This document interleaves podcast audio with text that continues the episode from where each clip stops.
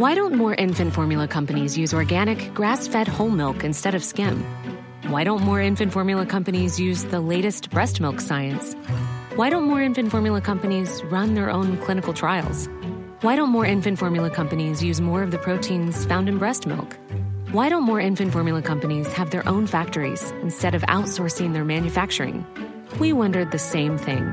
So we made ByHeart, a better formula for formula. Learn more at byheart.com. I'm Sandra, and I'm just the professional your small business was looking for. But you didn't hire me because you didn't use LinkedIn jobs. LinkedIn has professionals you can't find anywhere else, including those who aren't actively looking for a new job but might be open to the perfect role, like me. In a given month, over 70% of LinkedIn users don't visit other leading job sites. So if you're not looking on LinkedIn, you'll miss out on great candidates like Sandra. Start hiring professionals like a professional. Post your free job on linkedin.com/people slash people today. A lot can happen in three years, like a chatbot may be your new best friend. But what won't change? Needing health insurance. United Healthcare Tri Term Medical Plans, underwritten by Golden Rule Insurance Company, offer flexible, budget friendly coverage that lasts nearly three years in some states. Learn more at uh1.com. Gjenklang.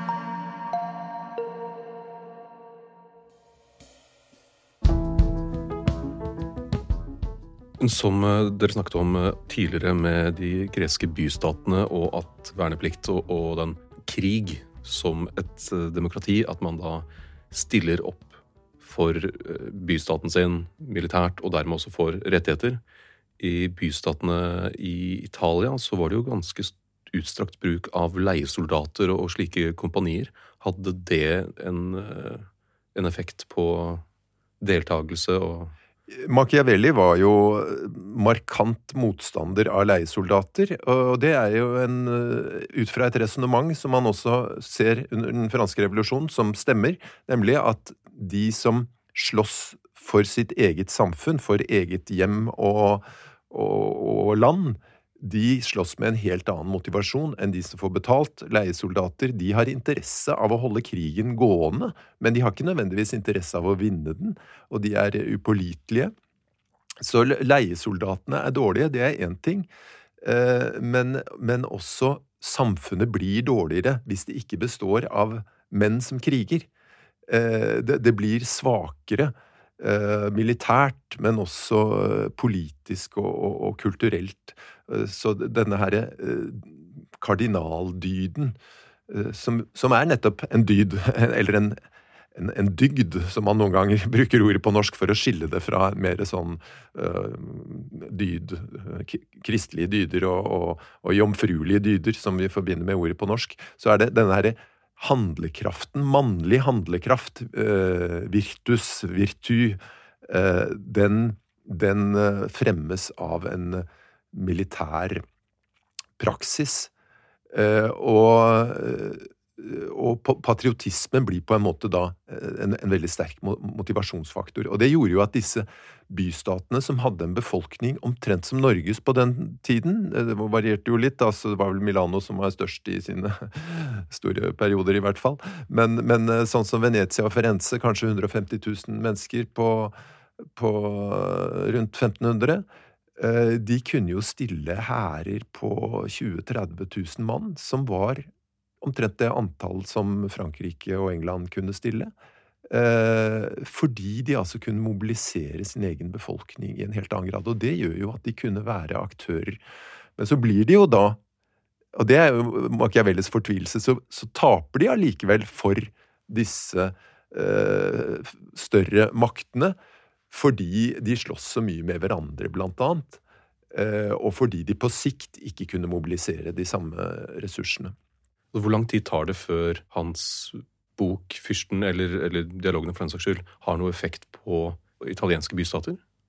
Hvor mye effekt får de egentlig på italienske bystater i det hele tatt, kan man spørre seg. Ja, eller er det bare noe man har sett i ettertid? Eh, nei, altså dette blir jo lest i samtiden, men dette, de, disse verkene til Machiavelli fører jo til at han diskvalifiserer seg på en måte til dels eh, fra å, å kunne For han havner hele tiden på feil side av historien. Han er republikaner når han burde være eh, fyrstetilhenger, og omvendt.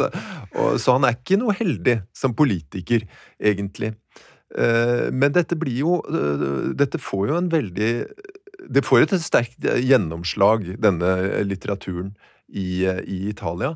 Men den største betydningen i neste omgang får det nok i, faktisk i England, 100 år senere, under kampene mot uh, stuartene. Uh, som leser både Machiavelli og hans kollega Giacciardini, som er mer aristokratisk, uh, men også en Firenze-patriot.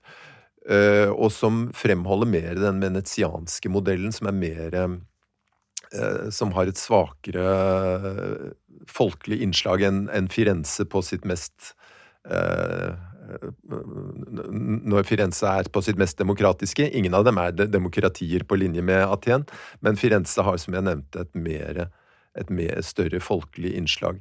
Men altså denne her syntesen av Venezia og, og Firenze blir en, en, mektig modell for de engelske uh, de, som, de, som, opponerer mot stuartene på 1600-tallet. Uh, eh, og, og, de leser jo også de romerske forfatterne. Dette er jo klassisister, selvfølgelig, som hele alle Europas dannede mennesker hadde vært i, i hundrevis av år. Men, men man begynner altså å lese de, de, gamle forfatterne på samme måte som Machiavelli gjorde, som politiske forbilder. Så er det da Cromwell, eller, som tar ja, pinnen men, videre? Ja, men, men, Cromwell blir jo da I en viss forstand Han innfører republikken, og han opphever den igjen ved at han gjør seg til en, en eh, lord protector og konge. Eh, men den republikanske tenkningen blomstrer jo under ham, eh, sånn som John Milton.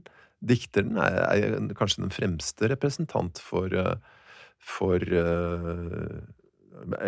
fremste av disse republikanske statsmennene og tenkerne Eh, han er jo utenriksminister under, under republikken.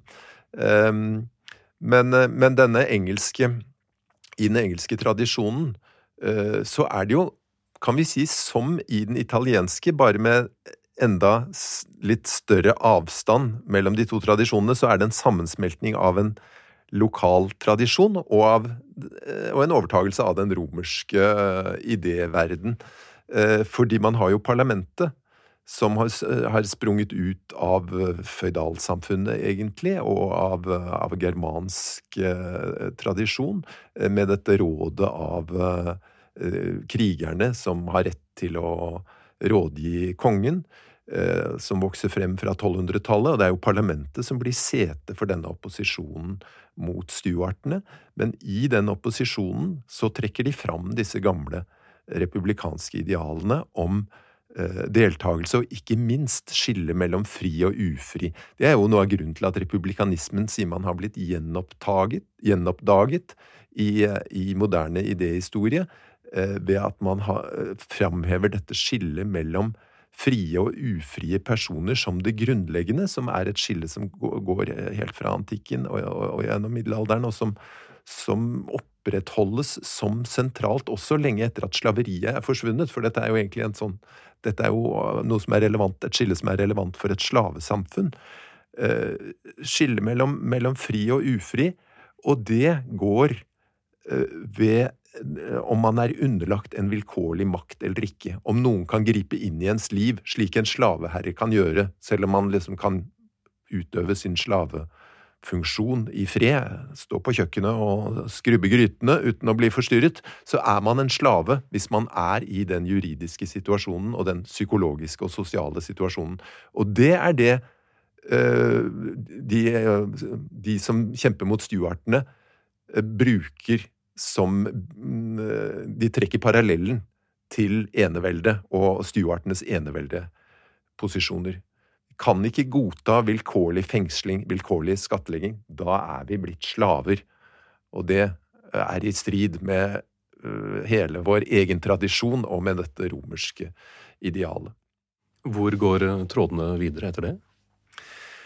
Nei, eh, eh, den republikken er jo veldig kortvarig i engelsk historie, og det er jo på en måte noe de nærmest eh, skammer seg litt over, og nesten har glemt, noen av dem, eller vil glemme, at det var engelskmennene som først henrettet sin konge 150 år før franskmennene gjorde det.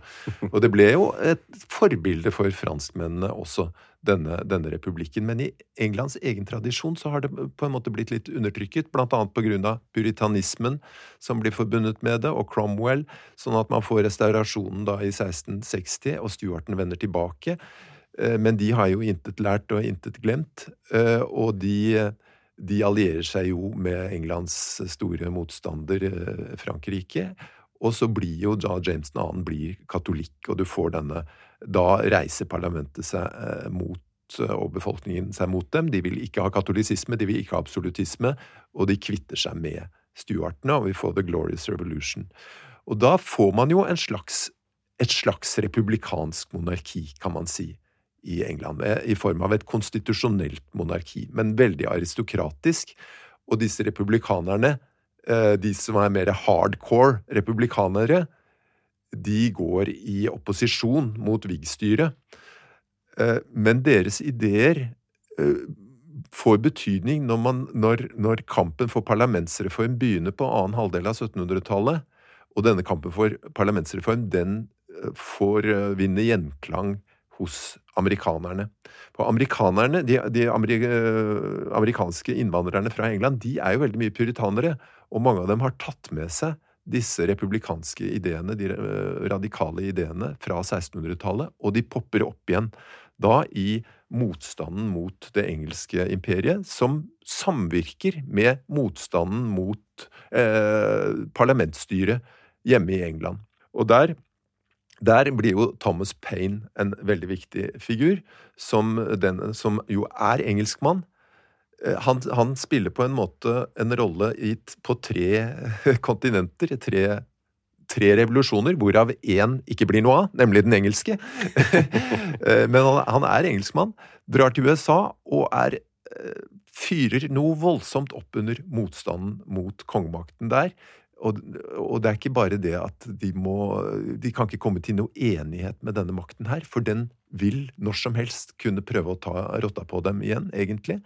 Eh, dette her skriftet Common Sense er jo den viktigste bok som blir publisert eh, under den amerikanske revolusjon. Det er den store uh, ideologiske drivkraften for det, og den er full av republikansk tankestoff.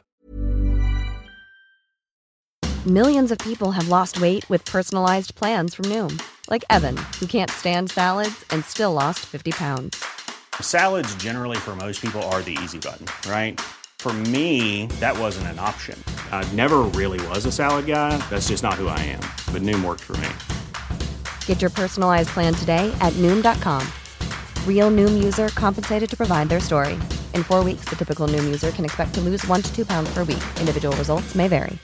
Cool fact a crocodile can't stick out its tongue. Also, you can get health insurance for a month or just under a year in some states. United Healthcare short term insurance plans, underwritten by Golden Rule Insurance Company, offer flexible, budget friendly coverage for you. Learn more at uh1.com. Everyone knows therapy is great for solving problems, but getting therapy has its own problems too, like finding the right therapist, fitting into their schedule, and of course, the cost. Well, BetterHelp can solve those problems. It's totally online and built around your schedule. It's surprisingly affordable too. Connect with a credentialed therapist by phone, video, or online chat, all from the comfort of your home. Visit betterhelp.com to learn more and save 10% on your first month. That's BetterHelp, H E L P. Så drar han også til Frankrike? Så drar han til Frankrike og blir medlem av det franske konventet.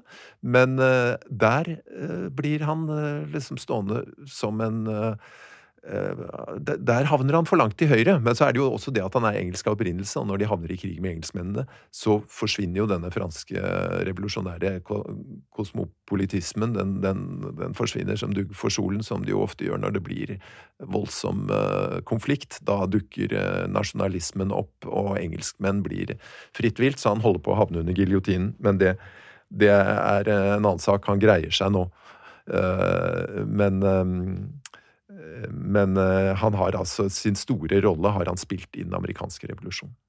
En av disse store tenkerne rundt, eh, rundt det vi snakker om, republikanisme versus eh, demokrati og, og liberalisme, som jo også er en, en av de store tankesettene på når vi kommer opp i, i, i den tankebanen her, så er, det, så er det Quentin Skinner og en som het Pocock, som vel skrev om the ja. Machiavellian moment. Mm. Altså, hva er det som skjer nå? Er det republikken, eller er det republikanisme som man bruker som begrep? Så har Quentin Skinner sagt at La oss heller kalle det nyromersk, egentlig, for det er, det er det, de bringer tilbake det romerske, mm. eh, og holder det opp mot det romerske for å, for å ikke eh, blande inn dette begrepet republikanisme. Men det er jo det som har blitt stående, og det har blitt stående som, som kanskje den, eh, noe litt annet enn liberalismen. Og det er, det er den tanken om politisk frihet som ofte blir forbundet med liberalismen,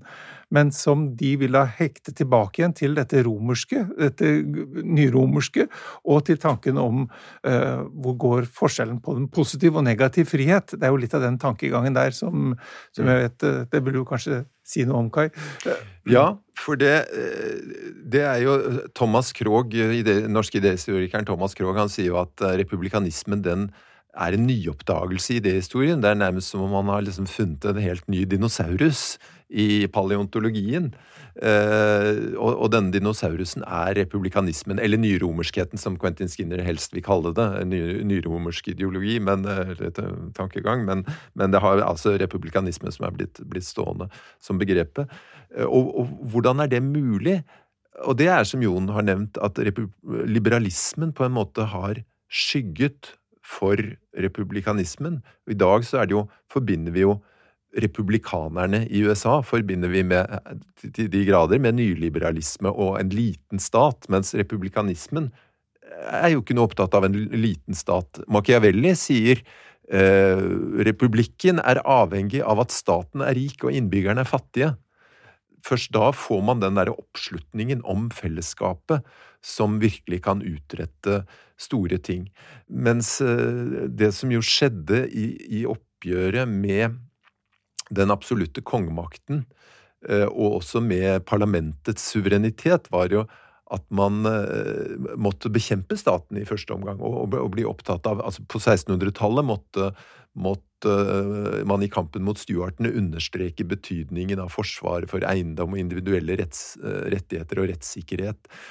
Dette som kunne gi mulighet for næringslivet til å utvikle seg også, for liberalismen den har jo en politisk side som går på rettigheter mot staten, og det er en økonomisk side som henger veldig sammen med det, med at eh, denne økonomiske privatsfæren må man kunne utfolde seg friest mulig med en bare en nattvekterstat, så å si. Så i utgangspunktet var jo dette en veldig progressiv tanke, som en beskyttelse mot en, en parasittisk kongemakt og adel, så å si.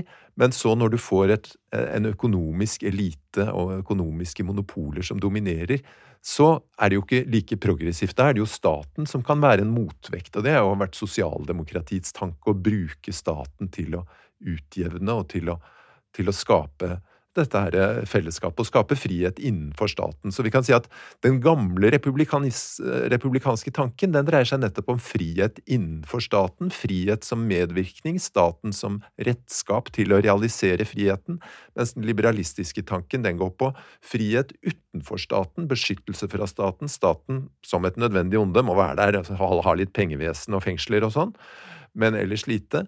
Og så har man blitt øh, fått den forestillingen om at særlig da den amerikanske tradisjonen den, øh, Det er liksom den, de liberale ideene øh, som er det viktigste, og det er det som er friheten, og det var det The Founding Fathers sto for. Men det, det stemmer på langt nær ikke. Altså Det som kaltes Det demokratiske republikanske parti, som Jefferson grunnla, som er forløperen til, via forskjellige omveier, Det demokratiske parti i dag, det var det var i høyeste grad de, de, republikanske verdier han bygget på. Også disse krigerske for øvrig. Jefferson er jo kjent for sitatet uh, The tree of liberty must be refreshed with the blood of patrons and tyrants from time to time. Altså, uh, man kan ikke bare sitte i sin krok, sofakrok, og liksom nyte godt av uh, velstanden. Det, det, det kreves en, en kamp for friheten. Og da kan vi jo se at den, den moderne demokratiet er jo en avart av dette. Det er en avart av denne republikanske tanken, og om, om kampen mellom uh, forskjellige, om man vil, klasser eller, eller uh, borgere uh, opp og, og de rike, velstående, adelen. Og vi har fremdeles da dette at vi velger oss noen til å styre på vegne av oss, som alltid har vært litt bedre enn en folk flest, som, som, styrer. Så det jo Det går jo tilbake til den gamle rådstanken, ikke sant. At du har, du har Du velger ut noen politikere som sitter i et parlament hos oss, Stortinget. Eh, som, mens den gamle greske tradisjonen var jo basert på at folk møtte direkte i folkeforsamling, hadde direkte politisk initiativ, diskuterte med hverandre og vedtok selv i en forsamling. Så dette er et ganske annet demokrati, det vi har nå.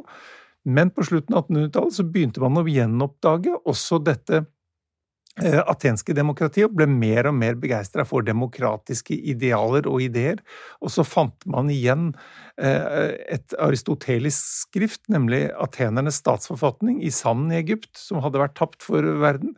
Så en av veldig mange sånne uh, forfatningshistorier som, som Aristoteles eller hans elever har skrevet. Og da begynte man for alvor å studere eh, si, atensk demokrati, og de verdiene også. Så man begynte å se at ja, det er veldig mye av den samme ideologien. Der det er idealet om borgerstyre, og at borgerne har, eh, i fellesskap har et rikt nok vett til å være med å bestemme. Og så så man dette i sammenheng også med, eh, med Aten som en relativt sterk bystat over lang tid i sin samtid til slutt ble nedkjempet av, av eh, Philip av Makedonia og etter hvert Alexander og, hans, og de store uh, uh, helenistiske kongedømmene, og, og fikk ikke noe, noe, langvarig posisjon etter det, men likevel en av de mest progressive og mektige bystatene, nettopp fordi de også var et demokrati. Så, så demokratiet fikk da etter hvert, og særlig etter krigen, har det jo fått et sånn veldig sånn hurra, er blitt et veldig hurraord.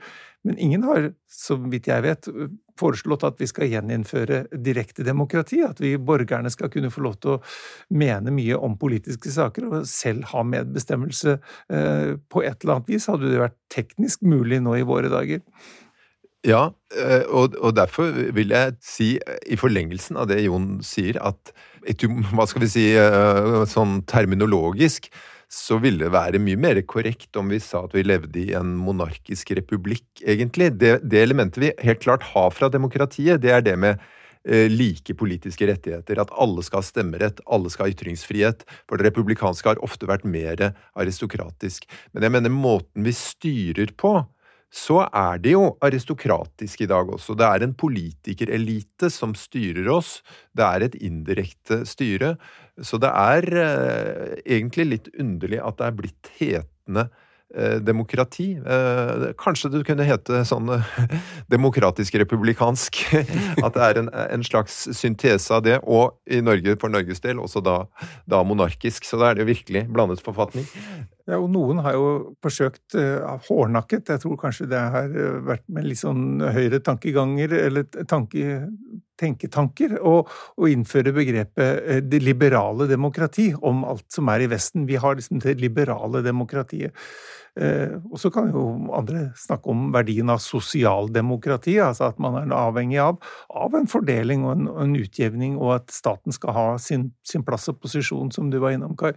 Men, men der har vi det, det liksom Begrepsbruken rundt det er interessant, men, mm. men eh, å, å, å, gå enda dypere inn i at demokratiet faktisk har noe å si, det, det, det er jo et, et, et eh, et spørsmål som, som, ingen har turt å reise i, i, særlig grad. Vi har jo veldig liten debatt rundt i forskjellige land egentlig om konstitusjonen som sådan. Altså at man sier at ja, skulle vi gjort det helt annerledes, skulle vi gjort det litt mer sånn? Nei, det er veldig tradisjonelt, og man åpner gradvis bare uh, stemmeretten for noen ytterst få litt flere eh, har man jo man har begynt å ta inn liksom, et, På et tidspunkt tok man inn kvinnene, og så har man vurdert å ta skal senke stemmerettsalderen.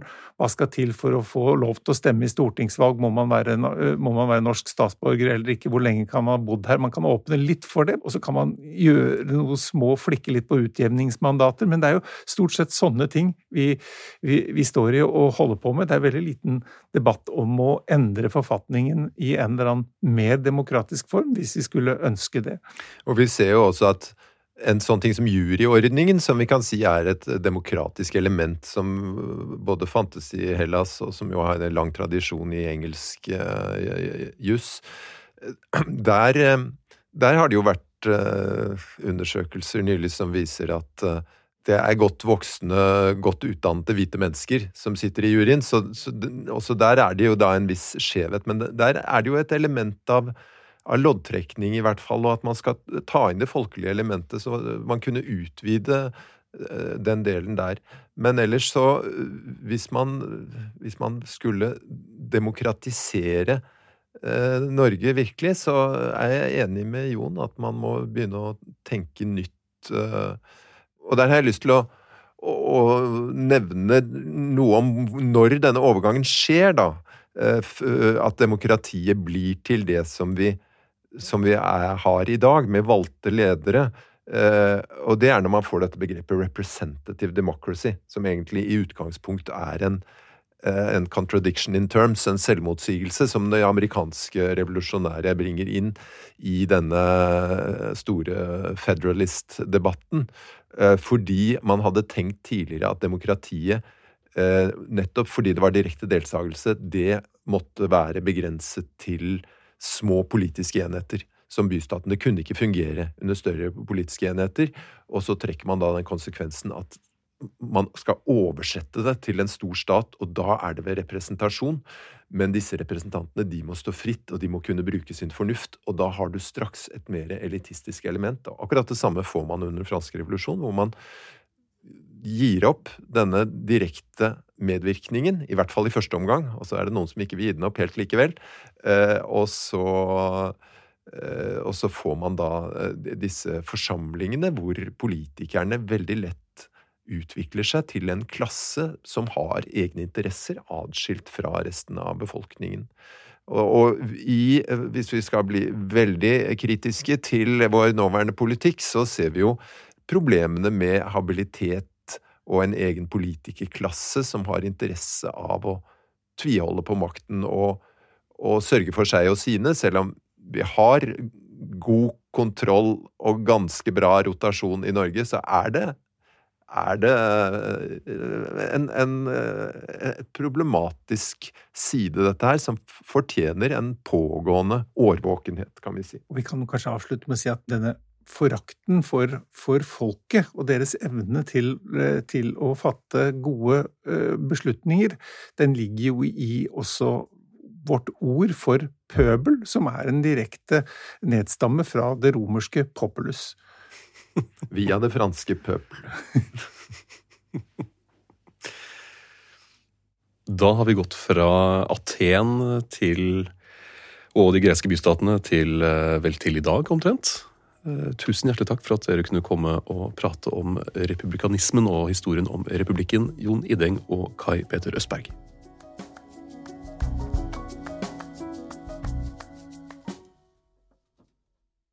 Gjenklang.